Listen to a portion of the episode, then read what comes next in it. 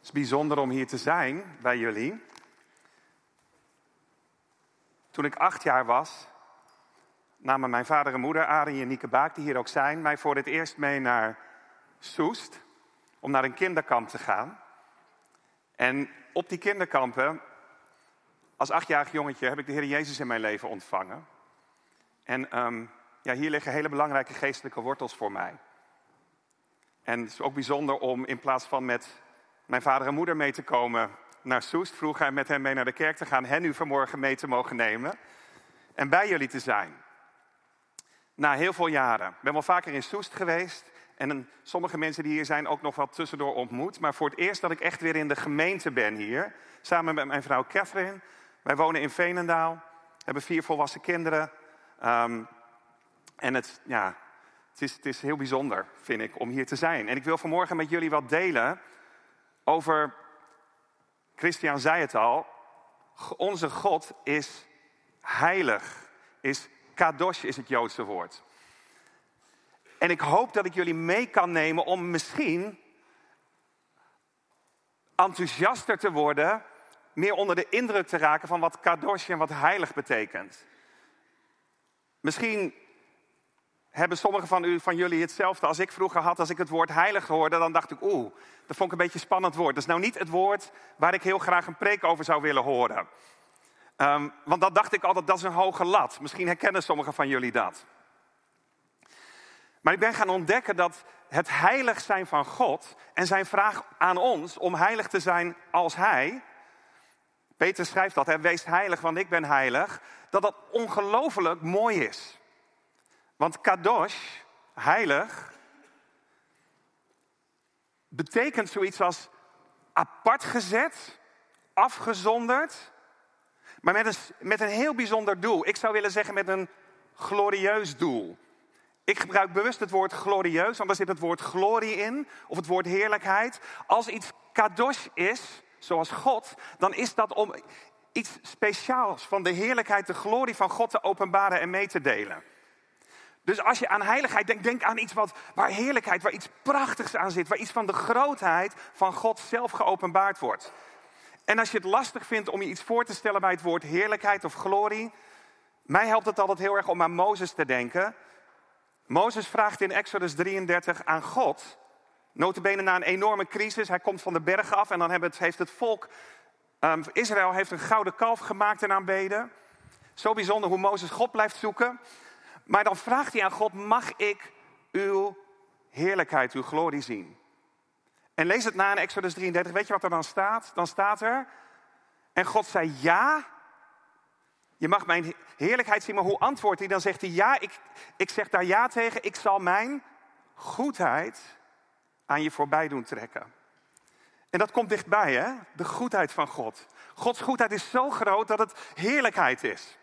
Dus als ik aan heilig denk, dan denk ik aan een openbaring van de heerlijkheid van de goedheid van God. En ik wil vandaag met jullie daarnaar kijken. En het bijzonder naar vijf gebieden die God in het bijzonder heilig noemt. En dat betekent wat? Ik wil het heel graag praktisch met jullie maken. Sommigen van jullie weten dat misschien, maar ik ben huisarts, ik ben dokter. Ik werk in een praktijk in de Betuwe. En ik heb een voorliefde voor wetmatigheden of patronen of principes. Um, dat is één ding wat ik leuk vind aan mijn vak. Patroonherkenning. Als iemand bij me komt en die zegt, nou, ik, ik ben een beetje afgevallen en ik ben moe en ik, ik verlies mijn haar en ik heb het snel koud en ik heb een snelle hartslag. Sommigen van jullie zullen het misschien ook herkennen. Dan denk ik aan het patroon van een te snel werkende schildklier. Snap je hem? Patroonherkenning. Heel vaak van wat dokters in hun vak doen is patroonherkenning. Maar wat ik zo mooi vind, is dat God heeft principes, patronen ingebouwd in de schepping. En een van die patronen is het patroon van heiligheid. Daar wil ik het zo met jullie over hebben. Er zit een principe achter. En patronen vind ik prachtig. Een ander patroon, en ik haal bewust dat voorbeeld aan, want dat geldt in de zichtbare wereld en in de onzichtbare wereld. Sommige mensen zouden zeggen de geestelijke wereld en de natuurlijke wereld. Maar eigenlijk spreekt de Bijbel over zichtbaar en onzichtbaar. Vind ik mooier, want het is één geheel. Alleen één deel kunnen wij zien, een ander deel niet. Maar dat is het patroon of de wetmatigheid van zaaien en oogsten. Nou, ik werk in de Betuwe. Als ik een appelzaadje plant en ik plant dat in goede grond en er is genoeg water, dan zal daar nooit, het zou me zeer verbazen als daar in één keer een kersenboom gaat groeien. Want wat je zaait, zul je oogsten. Uit een appelzaadje kan alleen maar een appelboom tevoorschijn komen. Dat is in de zichtbare wereld. In de onzichtbare wereld, als ik zaai in mijn leven met liefde en trouw, dan geloof ik dat uiteindelijk er een oogst van liefde en trouw zal zijn.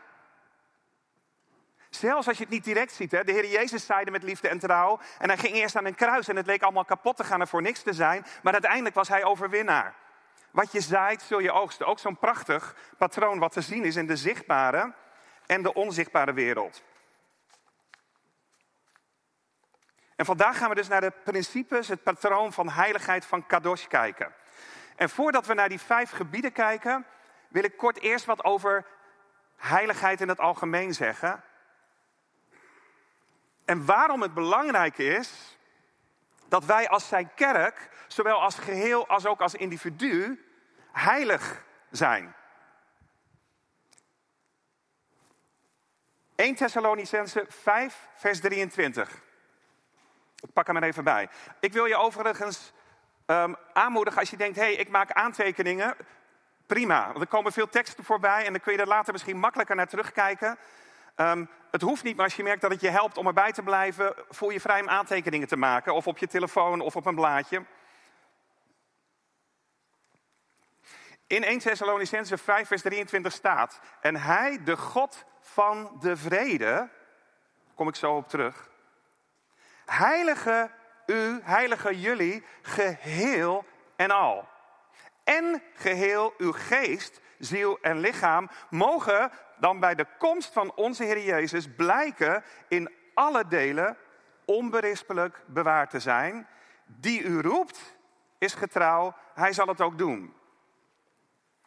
Ik geloof als ik naar de Bijbel kijk, niet alleen naar deze tekst, maar dat een van de belangrijkste redenen dat wij heilig zijn, is omdat Jezus terugkomt. En hij verlangt naar een bruid die helemaal rein is, helemaal smetteloos. Hier staat het heel mooi, hè? Um, geheel uw ziel en lichaam, geest, mogen in alle delen onberispelijk eh, bewaard zijn. Dat vind ik echt heel mooi.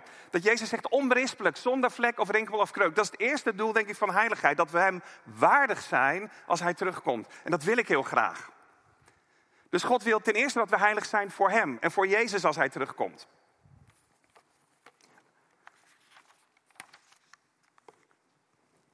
En ik geloof dat in deze tijd er een bijzondere en nieuwe nadruk ligt op heiligheid. Ik weet niet of jullie dat ook merken, maar het lijkt ook wel in deze tijd. Soms zie je het gewoon dat het witte wordt witter en het zwarte wordt zwarter. Het lijkt wel, polarisatie noemen ze dat in de maatschappij. Maar ik denk dat God daar ook doorheen werkt. En dat hij tegen zijn kerk zegt: Wil je heiliger worden? Wil je reiner worden? Je kunt niet meer neutraal blijven. Je zult keuzes moeten maken. En wat ik heel bijzonder vind aan deze tekst, Er staat niet de God, de rechter, heilige u geheel en al. De God van de rechtvaardigheid, heilige u geheel en al. Maar er staat de God van de vrede. En dat trof me. Ik moest denken aan een oud beeld van Jezus in het Oude Testament, Melchizedek. Wordt in Hebreeën aangehouden als een voorafschaduwing van Jezus. Melchizedek betekent koning van gerechtigheid en hij was ook koning van Salem, van vrede. God is de koning van gerechtigheid en vrede. En als hij ons dan heiligt, dan zou ik verwachten dat hij dat zou doen als de koning van gerechtigheid. Maar hij zegt, ik kom als de vredevorst. En echte heiliging kan alleen maar ontstaan als de Heer Jezus dichtbij komt met zijn vrede. In de vrede en in de ontmoeting met Hem, die alles goed gemaakt heeft tussen ons en Hem, kan alleen maar heiligheid ontstaan. Alleen maar in die veiligheid. Anders wordt het al heel gauw de wet en zelfverdienen. En het vlees kan God nooit behagen, zegt de Bijbel. De vredevorst wil ons heiligen. Hij komt dichtbij. De koning van gerechtigheid, die ook de koning van vrede is.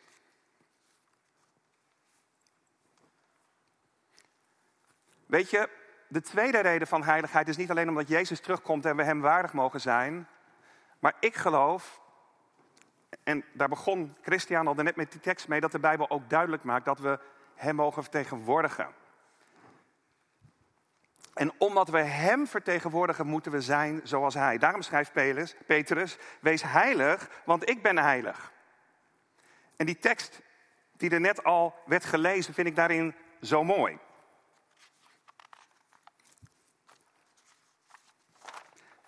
Daar staat dan, jullie zijn een uitverkoren geslacht, een koninklijk priesterschap, een heilige natie, apart gezet, een volk goden ten eigendom, om de grote daden van God te verkondigen, van Hem die u uit de duisternis geroepen heeft tot zijn wonderbaar licht. Dus hij maakt ons heilig. We zijn heilig als hij, omdat we hem mogen vertegenwoordigen. Misschien de kortste samenvatting van koninklijk priesterschap is ambassadeur. Je vertegenwoordigt de koning, je hebt zelf koninklijke waardigheid, maar als priester ben je ook degene die de brug slaat, die verbindt, die tussen God en mensen um, ja, de verbinding legt. Dat is ook wat een ambassadeur doet, hè? die vertegenwoordigt een ander land, ehm, bijvoorbeeld een Amerikaanse ambassadeur in Nederland. Dus als ambassadeurs dragen wij de cultuur van de koning. En weet je wat de, de kortste samenvatting, denk ik, van de cultuur van onze koning, van de cultuur van de hemel? is heiligheid. Daarom zingen de engelen continu heilig, heilig, heilig. God is zo anders. Daar is glorie, daar is heerlijkheid. En wij mogen als geheiligden wandelen als ambassadeurs. Dus twee redenen om heilig te zijn. Om hem waardig te zijn als hij terugkomt. Maar ook omdat we hem niet kunnen vertegenwoordigen. De wereld zijn grote daden niet kunnen laten zien. Als we daadwerkelijk niet zijn als hem heilig.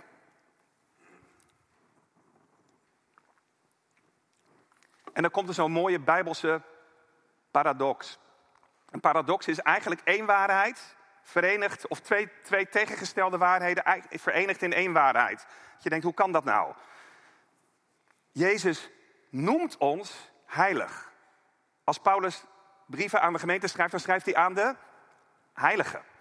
Dus we zijn heilig in Hem, dat is onze identiteit. Hij legt als het ware een mantel van ons op, op ons van heiligheid, van Zijn heiligheid. Maar tegelijkertijd worden we geheiligd in onze dagelijkse levenswandel.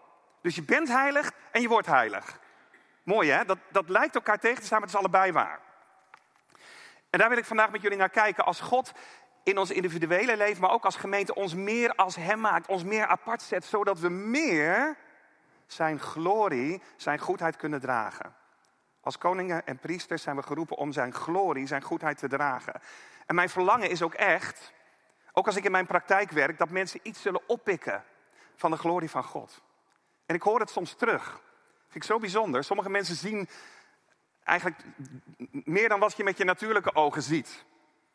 Ik heb een man in de praktijk bij de Heer Jezus mogen brengen. God maakte dat zo duidelijk dat ik tegen hem moest zeggen, en dat is spannend, want hij kwam bij mij als dokter voor een gezondheidsproblematiek. En na een paar keer komen wist ik, ik ga hem als dokter geen antwoord geven. Dus ik heb hem verteld ik zeg, weet je, ik ga iets geks tegen je zeggen, maar ik denk dat jij de Heer Jezus nodig hebt. En zijn vrouw was meegekomen, ze schreeuwde het uit.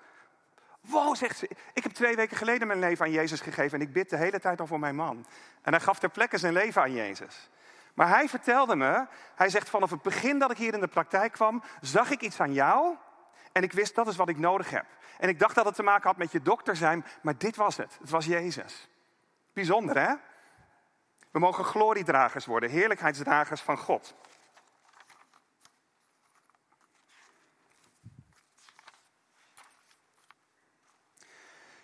En dan wil ik vandaag dus kijken met jullie naar vijf gebieden, terreinen van Kadosh.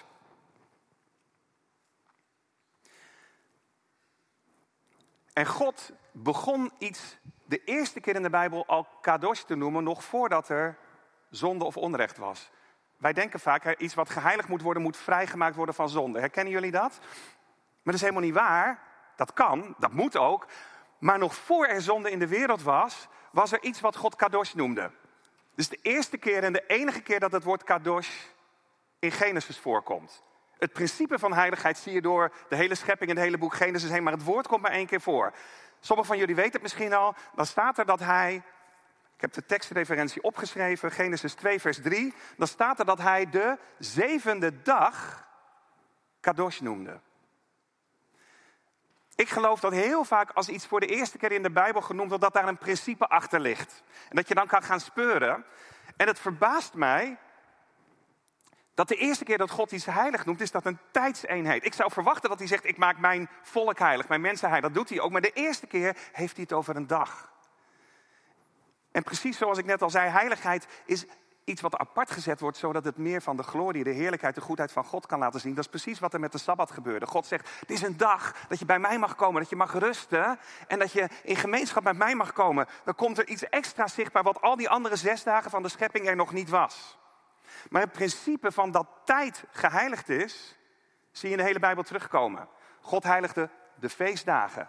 Hij heiligde bepaalde seizoenen. En allemaal met een doel, zodat ze iets meer zouden ontdekken van wie God is. Als ik dan zeg dat iets wat geheiligd is, apart gezet is, zodat er meer van Gods glorie zichtbaar wordt, zodat zijn glorie zichtbaar wordt, dan kun je ook voorstellen dat als iets ontheiligd wordt, wat er dan gebeurt. En daarom geloof ik dat de vijand heel strategisch juist die terreinen aanvalt die God geheiligd heeft. Waarom?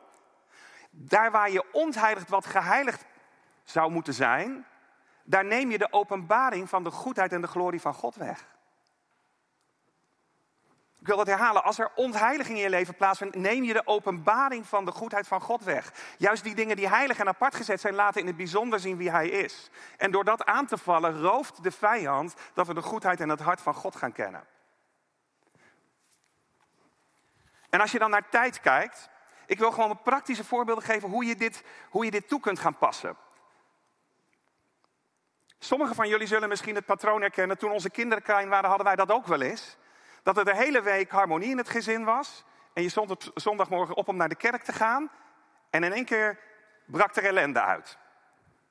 Ehm, was er onrust? Was een van de kinderen de schoenen kwijt? Of kregen er twee ruzie net vijf minuten voor je op de fiets zou stappen? Kennen jullie dat? En op een gegeven moment ontdekten wij dat dat een patroon zou kunnen zijn. Meer mensen, ik heb daar een keer in onze gemeente over gesproken. Heel veel mensen begonnen te lachen omdat ze het herkenden. Juist die dag die God apart zet om met elkaar hem te ontmoeten, is een, vaak een aanvalspunt waar de vijand die tijd wil roven en ontheiligen. En het is heel goed om bewust te kiezen voor je de zondag ingaat. Ik zou het op zaterdagavond al doen en zeggen: Heer, we geven de zondag opnieuw aan u terug. En we vragen u deze dag te heilig en apart te zetten, ook voor ons gezinnen, ons door het bloed van Jezus te bedekken, zodat de vijand deze bijzondere tijd waarin we u mogen ontmoeten niet zal roven. Een letterlijk voorbeeld, wat ik weet van een gemeente in Amerika, is die hadden heel veel strijd in de kerk. Ik hoop dat jullie dat hier nooit hebben, maar er waren zelfs mensen die dan demonisch begonnen te manifesteren. En ze hadden van alles gedaan. Voor bevrijding met die mensen gebeden, voor het gebouw gebeden. En het lukte niet. En ze besloten een gebedswandeling te gaan doen door de stad. En wat God ze op een gegeven moment openbaarde, ze kwamen langs een plek waar um, occulte mensen wonen. En wat God hen op een gegeven moment liet zien, is dat deze mensen niet specifiek de kerk vervloekten, maar de zondagochtend vervloekten als geheiligde tijd. En toen ze dat bij de Heer gebracht hebben, en de Heer te vroegen die vloek te verbreken op grond van het bloed van Jezus, en de zondag weer apart te zetten, waren de manifestaties voorbij. Zo concreet kan het zijn. En wij, Catherine en ik, mogen samen veel dingen doen in bevrijding, wat ik altijd heel mooi vind. Wij nemen altijd eigenlijk de factor tijd ook mee. Waar zijn tijden in je leven verontreinigd geraakt? En de twee belangrijkste dingen die tijd en sowieso dingen die heilig zijn kunnen aantasten zijn trauma en zonde. Zonde en wonden zou je ook kunnen zeggen. Dat is misschien makkelijk te onthouden. Ik ken het verhaal van iemand die jarenlang in de winter altijd een aantal dagen ernstig depressief was. En wat ze ook deden, kwamen daar niet doorheen. Was altijd in de, op een gegeven moment ontdekten ze zelf, het is altijd in de maand november een paar dagen. En toen ze uiteindelijk in gebed naar gingen kijken, kwamen ze erachter dat dat precies de periode was waarin haar moeder ontdekte zwanger van haar te zijn. En wat ze wist van haar moeder is dat haar moeder had geprobeerd abortus te plegen. Um, omdat, uiteindelijk is dat gelukkig niet gelukt. Maar toen ze dat bij de Heer gebracht hebben en gevraagd of die periode waar zij in de baarmoeder niet veilig was, of die, die Heer die opnieuw wilde heiligen en apart zetten, hield het patroon van elke winterdepressie um, hield op en was er weer vreugde. Bijzonder hè? Zou nog veel meer over te zeggen zijn, maar we hebben nog vier gebieden. Um, maar het is heel mooi om te kijken naar de factor tijd in je leven. De factor tijd ook als gemeente. Wat zijn de seizoenen waarin God in het bijzonder iets wil doen? En ik wil een laatste voorbeeld geven. Dan gaan we naar het volgende gebied. Als je naar een boek Richteren kijkt, vind ik het verhaal van Gideon altijd heel mooi, Richteren 6. Maar dan zie je dat elke keer als het volk God ongehoorzaam wordt, dan komt er een vloek over het land en dan wordt het land bezet. En dan komen de vijanden. En elke keer gaan ze zich weer bekeren en roepen tot God en dan bevrijdt God hen. Maar er is één patroon wat heel bijzonder is. De Midianieten kwamen en bezetten niet het land, maar zij kwamen in de oogsttijd en roofden de oogst. Er was als het ware een periodieke, jij zou kunnen zeggen vloek, een periodiek patroon waar de vijand elke keer konden ze het hele jaar, ze konden zaaien, ze konden van alles doen. En net op het moment dat het vrucht zou gaan dragen, werd het in één keer allemaal weggenomen. Wij hebben met een aantal mensen ook gebeden met dat soort dingen in hun leven. Ze zeggen, het lijkt wel elke keer of ik wel op kan bouwen, maar als we er net lijken te zijn, gaat het weer mis. Soms kan het ook met seizoenen zo zijn, met kerken, met leiderschap. Een van de patronen die wij vaak tegenkomen, ook bij leiderschap of bij kerken en bedieningen, is wat ik zou willen noemen vroegtijdige dood. Dat is ook zo'n principe waarin er roof is van de vijand. Net op het moment dat er bloei zou moeten zijn, sterft het af en stort het in elkaar. En het is zo goed om naar God te zoeken en te kijken, Heer, waar is dat binnengekomen? En hoe kunnen we beleiden waar de vijand rechtsgrond heeft gekregen, zodat we de oogst die u bedoeld heeft, ook een stuk van de glorie van God mogen ontvangen en mogen gaan zien komen. En er zijn bepaalde specifieke zonden die ook juist tot dit patroon kunnen leiden. Daar ga ik het nu niet over hebben. Maar als je denkt van, hé, hey, hier wil ik meer van weten. Um, kom misschien naar Christian of een van de oudsten toe. Um, we hebben ook met de oudste groep het hier eerder over gehad. En dat was heel bijzonder ook een aantal dingen daarmee door te bidden. Tweede keer dat het woord kadosh voorkomt in de Bijbel. Is in het begin van Exodus. Um, ik had de tekst ook opgeschreven, ik kom hem zo wel tegen. Maar is een heel bijzondere moment, wat veel mensen van jullie ook wel zullen kennen. Dan staat er als Mozes bij de brandende braamstraat komt, dat hij zijn sandalen, zijn, moet, moet hij van zijn schoenen doen, want daar staat er de grond waarop je staat is kadosh. Ik vind dat heel bijzonder. Dat is ook zo'n patroon wat zo vaak in de Bijbel terug. En daar staat een woord wat ook voor aarde gebruikt zou kunnen worden. Het is letterlijk aarde, maar ook de aarde zou je kunnen... Het is echt grond, de grond waarop je staat, de aarde waarop je staat. Um, ook interessant dat als Kain zijn broer vermoordt, dan wordt ook de grond vervloekt. En, en, nog meer dan al bij de zondeval van Adam en Eva. Er is een verbinding tussen de zegen die God wil geven en de grond waarop wij staan. God wil die heilig maken, hij wil daar dingen van zichzelf laten zien. En Mozes, God zegt tegen Mozes, de grond waarop je staat is heilig. Daar mag je mij ontmoeten. En ik vind het zo bijzonder, want er zijn bepaalde plekken. Grond heeft denk ik heel vaak een roeping. Ik hoop dat sommigen van jullie dat zullen herkennen. Um, nou, denk aan een stad als Jeruzalem. Dat was de plek waar de tempel moest staan. Dat was als het ware de bestemming van die grond.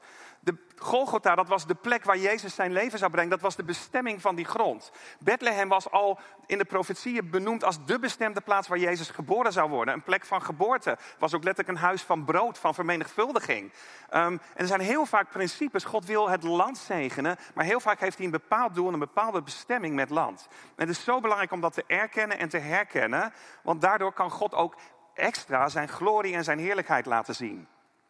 Catherine en ik vinden dat heel mooi om ook naar landen of naar plekken en steden te reizen. En God ook te vragen de grond daar te zegenen, zodat de grond gebruikt kan worden tot heerlijkheid van Gods naam. Sommigen van jullie volgen misschien Presence. Kennen sommigen van jullie dat? Ehm, dus elke week gaat Presence naar een stad of een plek toe. En daar aanbidden we gewoon met een heleboel mensen, vaak lokale kerkmensen. Um, maar ook mensen uit het land die meekomen, aanbidden we God. Um, maar dan gebeurt er iets op die grond. En het is heel bijzonder om te ervaren dat in elke stad daar een andere nadruk is. En dat heeft ook te maken met de roeping die God vaak voor zo'n plek heeft.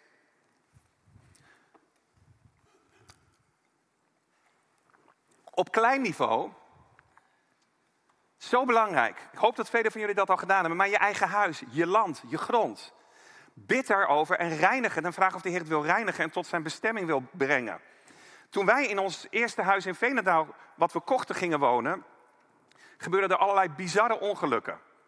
Onze zoon die viel letterlijk op zijn kop van de commode, terwijl we gewoon goed... We stonden er gewoon bij. Um, allemaal gekke dingen. Het was een babytje veel jaren geleden. Maar heel veel rare dingen in dat huis. Allerlei ongelukken, allerlei dingen gingen kapot. En op een gegeven moment dachten we, dit is gewoon... Dit kan niet meer toevallig zijn. Want het is zoveel. Nou ja, dat is statistisch ongewoon. ehm, dat we dachten, hè, wat speelt er hier? En toen kwamen we erachter via een advertentielokaal van de vorige eigenaresse van ons huis. Die zetten een advertentie um, voor een groep paranormale mensen. Zij was medium die ze bij elkaar riep om nou, een bepaalde bijeenkomst te doen. En die advertentie verscheen geloof ik in onze gemeente. En wij zouden als gemeente gaan bidden. En wij hadden in één we zagen haar naam. We dachten, oh wacht eens even. En toen hebben we heel bewust ons huis gereinigd van alle occulte dingen die daar gebeurd waren. En dat maakte een enorm verschil. Grond, land, je huis is zo belangrijk. Maar ik wil jullie een andere sleutel meegeven. Als je nou door Soest wandelt, of gewoon door Nederland. Ik geloof dat over de publieke grond, dus de openbare grond, de plek die voor alle Nederlanders zijn om op te wandelen, zou ik maar zeggen, daar hebben we gezamenlijk als Nederlanders eigenaarschap over. Daarom betalen we belasting. En ik denk dat je dat recht mag gebruiken. Je mag je bewust zijn van je rechten als christen door naar het land waar je bent te zegenen. Maar soms vragen we de Heer ook heel concreet als we weten dat ergens onrecht gebeurd is. Dat er ergens een veldslag is geweest. Of dat er ergens beslissingen zijn gemaakt die niet kloppen. Dat we soms alleen, maar soms vaak met een groep bidders naar zo'n plek gaan en de Heer vragen als belastingsbetalers en vertegenwoordigers van ons volk om die plek te reinigen van het onrecht wat daar geschied is. We beleiden dan namens ons volk, Heer, dat is, daar zijn dingen gebeurd die niet goed zijn. Wilt u die grond reinigen? En ik denk dat er dan wat gebeurt in de onzichtbare wereld. We zien het niet, maar het resultaat kun je soms daadwerkelijk zien. Eén keer mochten wij bidden met een ex-crimineel die een heel traject van bevrijding had gevolgd, maar hij bleef lastiggevallen worden door de vijand. En hij snapte het niet. En we gingen in gebed met hem. En wat de Heer me liet zien tijdens het gebed, is dat er nooit gebeden was voor de plekken waarop hij een aantal criminele activiteiten had gedaan. Hij had als het ware door zijn daden samen met anderen die grond verontreinigd. Ik weet niet wat er letterlijk gebeurd was, maar het zou me niet verbazen dat er ook bloed gevloeid had. En toen hebben we de Heer gevraagd, hij had zijn zonde al beleden. We hebben gezegd, Heer, wilt u ook het, de grond wat hij verontreinigd heeft door zijn daden opnieuw reinigen en heiligen door het bloed van de Heer Jezus. Dat die bloedschuld als het ware van het land af mag gaan. En op dat moment begon hij letterlijk te manifesteren en verliet een boze geest hem. En was er een volgend niveau van bevrijding. Bijzonder. Dit zijn sleutels die echt heel belangrijk zijn. Land, grond is zoiets belangrijk. En ik geef een aantal negatieve voorbeelden hè, waar de vijand het verontreinigd heeft. Maar mijn doel is juist om te kijken naar de positieve voorbeelden. Hoe wil God zijn glorie laten zien op deze plek bijvoorbeeld? In Soest. Ga de Heer vragen, wat is het DNA van deze plek? Hoe was uw bestemming voor dit land? Voor deze plaats? En ik geloof dat God dan dingen wil laten zien. En land en grond is zo belangrijk in de ogen van God. En zo vaak, ga maar eens naar de Bijbel kijken, hoe vaak Jezus wandelt in perfecte gehoorzaamheid, zowel wat betreft tijd als grond. Op de avond van het laatste avondmaal, op de dag dat Jezus aan het kruis hing, hij stierf precies op het moment dat de priester in de tempel het lammetje moest doden. Het lam wat beeld stond voor wie Jezus was. Elk detail van de laatste uren en dagen van Jezus was getimed. Ik zou alleen maar bezig zijn als ik wist dat ik moet gaan sterven. Oh jongens, wat zwaar, hoe ga ik dit ooit kunnen redden? Maar Jezus, hij deed een overdracht aan zijn discipelen. Johannes 13, 14, 15, je kennen het, 16, 17. Hij was helemaal gefocust op de hemelse tijdlijn, wist precies wat hij moest doen. En ondertussen zaten zijn discipelen, um, te, hoe zeg je dat, uh, ruzie te maken over wie er straks in de hemel naast Jezus zou mogen zitten. En Jezus was zo bezig met die hemelse tijdlijn. Maar de plekken waar hij was, koos hij ook zo strategisch uit. Hij wist precies waar God hem wilde hebben. Hij ging precies op tijd naar Jeruzalem toe.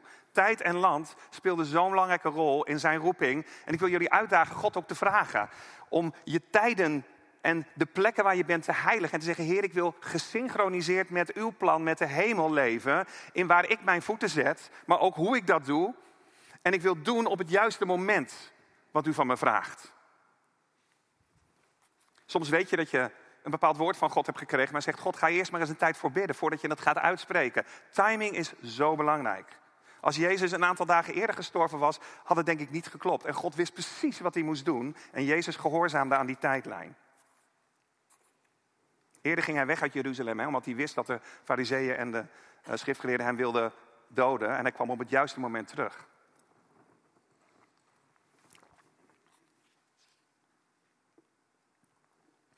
Het vers over het heilige van de grond, onder andere Exodus 13, vers 2. Maar het komt ook nog weer voor in Exodus 19, vers 10. Er zijn heel veel uh, plaatsen waar dat terugkomt. In Exodus 12, vers 16. En daaromheen gaan we naar het derde stukje. Het derde gebied wat God kadosh noemt, of wat ik kadosh zou willen noemen, is een patroon. Dat is als God de gemeenschap. En dat geldt zowel voor ons als individu, maar dat geldt ook voor de gemeenschap van gelovigen. Maar ook de gemeenschap van de generaties.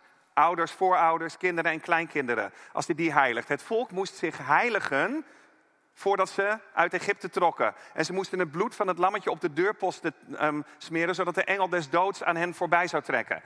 Veel meer christenen zijn gewend aan dit thema van heiligheid. Persoonlijke heiliging, um, maar ook de heiliging van als wij een gemeenschap, de generaties. Wie van jullie hier kennen bijvoorbeeld de stappenmethode van um, Neil Anderson? Zijn er mensen die dat kennen? Ik zie al een aantal handen. Wilke van der Kamp heeft ook zo'n methode. Eigenlijk gaat dit thema, het derde gebied van heiligheid, gaat hierover. Nou, Catherine en ik hebben een aantal jaren geleden met Caroline Ros, die hier ook regelmatig komt. Toen zei ze, John en Catherine, kennen jullie die stappen naar, um, um, naar bevrijding? Kennen jullie die? Nee, die kenden we nog niet. Ja, we hadden het wel eens van gelezen, maar we kenden dat niet. Ze zegt, ik, zie een roeping op jullie leven. Het is belangrijk dat je gewoon je leven is stap voor stap doorbidt. En kijkt van, um, waar kan God... Mogen er nog dingen opgeruimd worden uit de generaties, uit je eigen leven, om die te beleiden? Nou, en ik vergeet nooit wat Catherine zei nadat we die stappen hadden afgerond. Ze zei, ik voel me echt kilo's lichter. En dat is zo gebleven. En ze zei, als ik het niet goed zeg, moet je het zeggen, maar het is rustig in mijn hoofd. Ze had altijd bepaalde aanklagende stemmetjes. En die waren in één keer daarna verdwenen. Als je deze stappen nog niet gedaan hebt, wil ik je bemoedigen dat te doen. Het is vaak een eerste stap en er zijn veel meer dingen, maar het is zo mooi om dat te doen. En het is belangrijk. En net zoals je je huis regelmatig schoonmaakt, is het soms ook goed om weer eens terug te gaan en te kijken, Heer, waar moet ik weer even um, iets opruimen? Zodat uw heiligheid in mijn eigen leven en in de generaties um, er mag zijn, zodat ik uw gloriedrager kan zijn. Ik wil niet al te veel verder zeggen over deze, want daar valt veel over te lezen. En mensen kennen dat vaak ook, maar het is wel een hele belangrijke. De persoonlijke heiliging, de heiliging van de gemeenschap, de heiliging van de geslacht, dat je dingen opruimt. En dan komen we bij de volgende. En dat zou ik willen noemen de heiliging, het apart zetten van ons geboorterecht of onze bestemming. En geboorterecht en bestemming geldt zowel op individueel niveau als ook op het gebied van de gemeenschap. Een ik geloof dat deze gemeente een bestemming heeft. Ik geloof dat onze gemeente een bestemming heeft. En gedeeltelijk overlappen bestemmingen van gemeenten. We zijn allemaal geroepen om, om, om Jezus te laten zien, om gloriedragers te zijn van God. Maar God heeft voor specifieke gemeenten specifieke roeping. Het woord kadosh wordt heel veel gebruikt in het, als je gaat kijken in, in de wet, um, door de Torah heen, de eerste vijf boeken van Mozes, dan worden allerlei voorwerpen worden gereinigd, worden heilig verklaard. Onder andere het priesterkleed, of dat, uh, hoe heet dat ding ook alweer wat um, Aaron op zich had. Dat zijn voorwerpen die worden ge, geheiligd omdat ze een bepaalde bestemming hebben en een bepaald doel hebben waartoe ze geheiligd worden. Dan zou je zeggen, wat heeft dat dan met bestemming van mensen te maken? Nou, ik geloof, de tempel is een beeld van wie wij nu zijn. Hè? Want de tempel was de plek waar God woont, nu zijn wij de tempel. En de tempel werd, er werden allerlei voorwerpen apart gezet voor bestemming. En bestemming is een hele grote. Een van de bestemmingen, en dat is aan jullie ter toetsing, maar, maar die ik nog zie op deze gemeente ook door de generaties heen, is dat er, wat ik heel bijzonder vond in deze gemeente toen ik hier als kind was, is dat ik al heel jong besefte dat God was er niet alleen voor de volwassenen, maar ik was als kind, mocht ik volledig, werd ik gezien en erkend dat ik een relatie met God kon, dat de Heilige Geest in mij kon wonen. En in de ruimte heeft altijd, toen was het in de ruimte, deze gemeente was daar toen aan verbonden, maar ik denk dat er een roeping is geweest voor de generaties die op deze gemeente ligt. Waarin kinderen, volwassenen, de generaties verbonden zijn. Ik denk dat een deel van de bestemming van deze gemeente is die de vijand heel graag zou willen roven, want dat is een deel van de heerlijkheid van God die zo mooi zijn. Zonder dat ik een oordeel over andere gemeentes wil uitspreken, maar misschien herken je het wel. Toen we vroeger naar een kerk gingen, um, voelde ik me als kind soms, dan ging ik naar een kindernevendienst. En het was bijna zo van, dan zat ik de volwassenen niet in de weg. Snap je wat ik bedoel?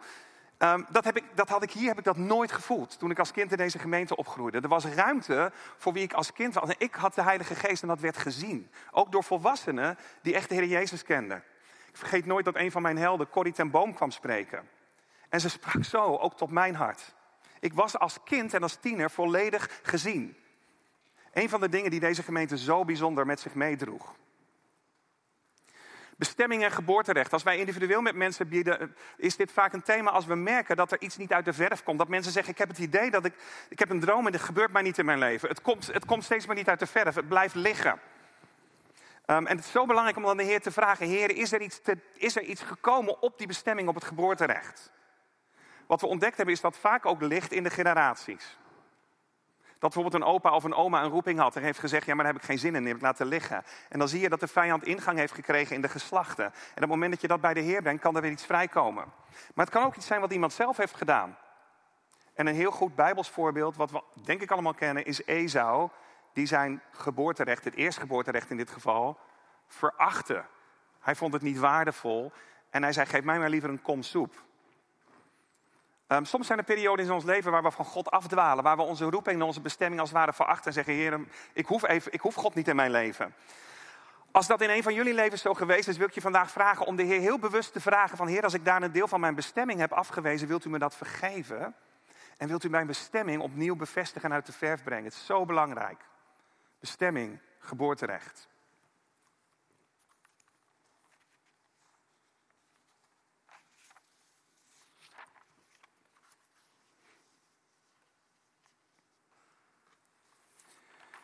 En als laatste, en ik denk dat er veel meer dingen zijn die God kan heiligen en apart noemen, maar dit zijn vijf patronen die ik, ik zou het bijna willen noemen de grote vijf.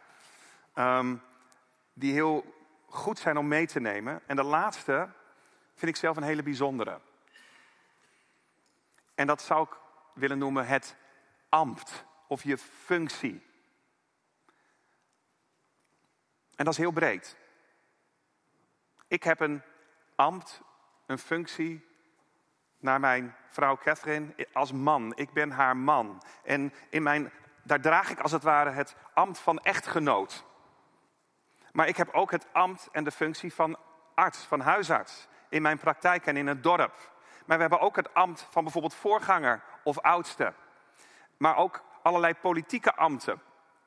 Um, een ambt is een heel breed, breed, iets in de Bijbel. En je ziet dat God in de Bijbel mensen met een bepaald ambt, in het Oude Testament al, met een bepaalde roeping, vaak apart zetten voor dat ambt. We kennen dat allemaal van de koningen en de priesters die dan gezalfd en geheiligd werden.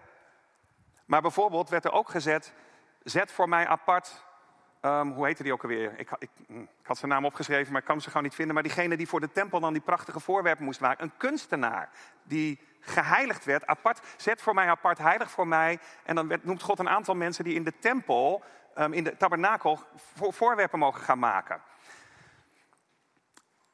En waarom is dit nou belangrijk? Ik denk dat dit ook weer zo'n aanval van de vijand is, uh, kan zijn, waar hij iets van de heerlijkheid van de God wil tegenhouden, omdat juist in je ambt en in je roeping, daar ligt een heel bijzondere kracht van wat God je gegeven heeft. En ik wil een heel duidelijk Bijbels voorbeeld geven, wat het gewoon heel praktisch maakt. Op een gegeven moment is David koning geworden. En dan komt er al heel snel een droogte in het land. Drie jaar achter elkaar, na drie jaar denkt David, hmm. En hij vraagt de profeet om bij hem te komen om de Heer te zoeken, wat is er aan de hand? En wat ik wil dat jullie opmerken is dat David heeft niet gezondigd. Want wat zegt de profeet dan? Saul, de vorige koning, de vorige ambtsdrager zou je kunnen zeggen, heeft het verbond met de Gibeonieten verbroken en hen aangevallen. En daarom is er nu een vloek gekomen over Israël. En het is aan David als ambtsdrager om de rotzooi van de vorige ambtsdrager, zou ik bijna zeggen, op te ruimen. En er moet bloed vloeien om, om gerechtigheid te krijgen voor de Gibeonieten. Gelukkig hebben wij het bloed van de Heer Jezus. Oh, hoe geweldig. En daarna zie je dat de zegen terugkeert. En Davids koningschap weer gezegend wordt en het land, de droogte verdwijnt en de oogsten kunnen weer komen. Kijken naar de ambt is zoiets belangrijks. Wij mochten betrokken zijn bij het um,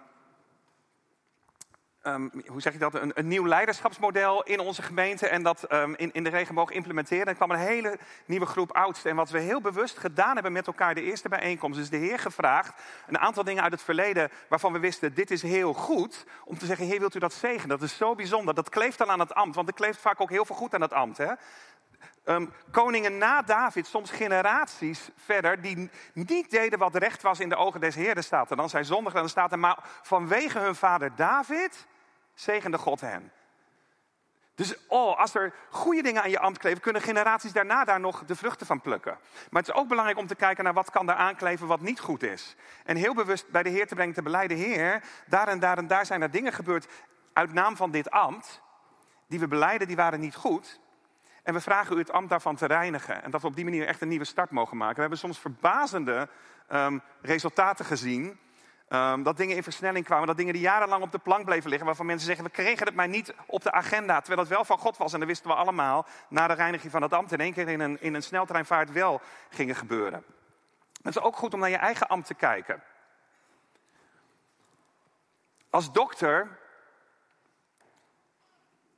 heb ik te maken met wetgeving. En die wetgeving rondom mijn vak, er zijn heel veel dingen goed, maar sommige dingen ook niet. Um, Soms schrijf ik mensen medicijnen voor waar bijvoorbeeld na 10, 15 jaar blijkt dat die medicijnen toch een aantal nare bijwerkingen hadden. Of dat er soms zelfs mensen ernstige nou ja, beperkingen blijven doorlopen. Op, en dat wisten we niet.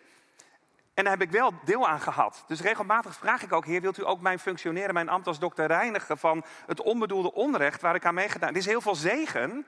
Er zijn veel meer mensen die beter worden en genezen door dokters dan dat er aan schade is. Maar er is ook, in het Engels zeg je collateral damage, er is ook schade, want het is mensenwerk. Um, en heel regelmatig vraagt de Heer mijn ambt als arts ook te reinigen van het onrecht wat eraan kleeft, vaak onbewust. Maar soms ook omdat ik echt iets fout heb gedaan, dat ik denk, oeh, dat heb ik niet op tijd gezien. Of, en de Heer daar heel bewust te vragen mijn ambt te reinigen en te heiligen, zodat de glorie van God zich aan mijn ambt kan blijven verbinden en zichtbaar mag worden. Wat Hij zo graag zichtbaar wil maken um, ja, door mij heen.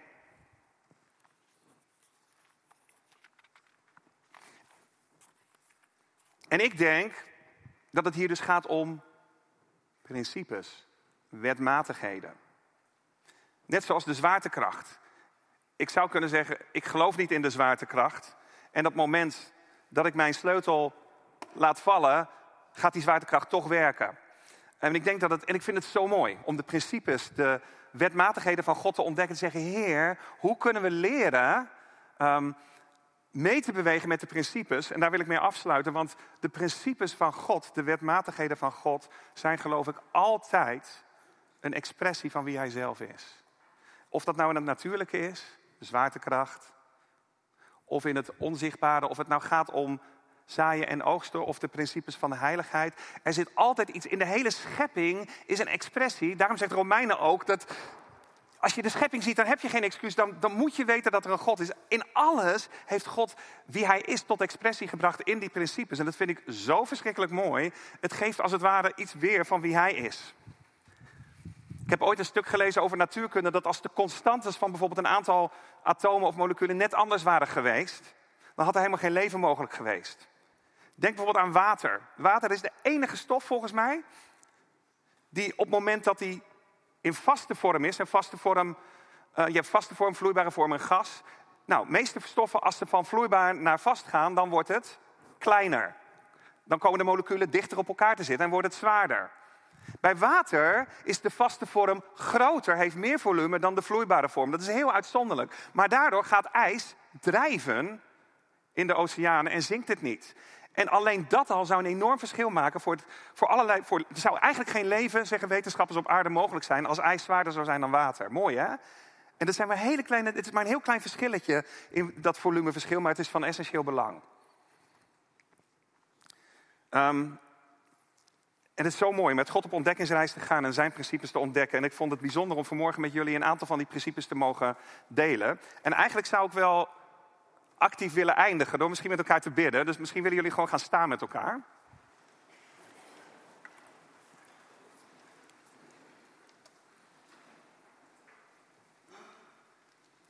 En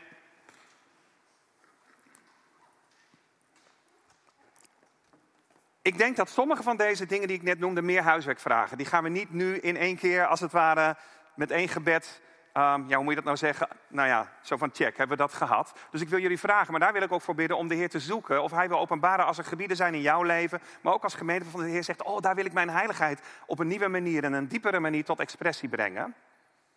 Maar ik wil ook alvast bidden of de Heer met, met ons samen naar die terreinen wil kijken. Onze tijd, onze land wil synchroniseren met wie Hij is. Onze gemeenschap, ons ambt en ons geboorterecht. En als je zegt ja, misschien kunnen we allemaal de ogen dicht doen.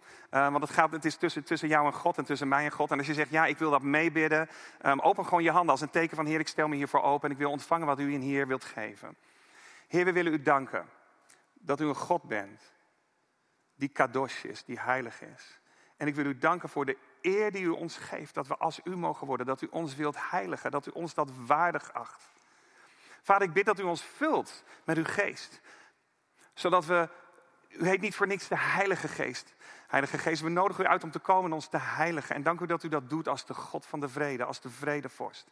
En vragen te komen en ons te heiligen, want we willen zijn zoals uw Vader God. We willen zijn zoals de Heer Jezus. En we bidden ook dat u um, ja, ons te bidden wil brengen, Heilige Geest. Als er dingen in ons leven zijn waarvan u zegt, daar wil, ik, daar wil ik mijn vinger op leggen. Daar wil ik zo graag mijn glorie nog meer tot expressie brengen in je leven. Heer, we nodigen u uit op dit moment om ook naar onze tijden te kijken. En daar waar mogelijk is, ook op dit moment. En als je dat wil, zeg gewoon in je hart ja tegen God. Op dit moment onze tijden opnieuw te heiligen en te synchroniseren met onze hemelse tijd. We willen u vragen daar waar door de geslachten heen, of door keuzes die we zelf gemaakt hebben, ehm, of misschien gewoon door trauma's in het leven, onze tijdlijn uit balans is geraakt, uit niet in synchronisatie met u loopt, dan vragen we u, omdat, ja, dan beleiden we dat als niet goed. En we vragen u dat te reinigen door het bloed van de Heer Jezus. En ons te synchroniseren met uw tijden. Dat we ook in ons hart zullen ervaren wanneer u iets van ons verwacht. En dat we uw tijden zullen gaan herkennen.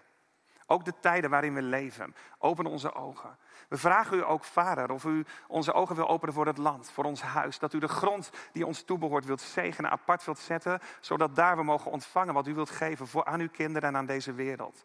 We vragen u ook in Jezus' naam of u onze persoonlijke levensheiligheid, maar ook door de geslachten en ook ons als gemeenschap, of ons wilt bedekken met het bloed van de Heer Jezus. Vader, ik bid dat u de mensen die hier ook zijn, die, als we samen voor uw aangezicht zijn, wilt u ons reinigen van wat er ook vanuit de generaties aan ons kleeft. En uh, ja, ons heilige apart zetten. Dank u dat het bloed van de Heer Jezus op de deurposten van ons hart is. En dat de engel des doods voor eeuwig aan ons voorbij gaat en dat we eeuwig mogen leven. Heer, we vragen u ook onze bestemming te heiligen. En als hier mensen zijn die weten, ja, ik heb daar iets weggegooid in mijn leven, dan ja, mag je dat ook op dit moment bij de Heer brengen. En ik vraag u, Heer, dat te vergeven, te bedekken met het bloed van de Heer Jezus. En dank u dat er niets is wat u niet kunt lossen, wat u niet kunt redeemen. En dat u geboorterecht, bestemming wilt herstellen, terug wil geven. En dat bidden we ook voor deze gemeente. Ik bid dat deze gemeente nog meer tot zijn bestemming en geboorterecht mag komen. Vader, we vragen u ook in de naam van de Heer Jezus naar onze ambten te kijken. Ehm, alle ambten die we dragen. En ook ons door uw Heilige Geest daar ook aan te wijzen waarin we misschien nog huiswerk te doen hebben. Maar we bidden dat u ons ambt in de eerste plaats ook als zonen en dochters van God wilt reinigen. En dat we gloriedragers van u mogen zijn als individuen en als gemeente. Dat vragen we in Jezus' naam. Amen.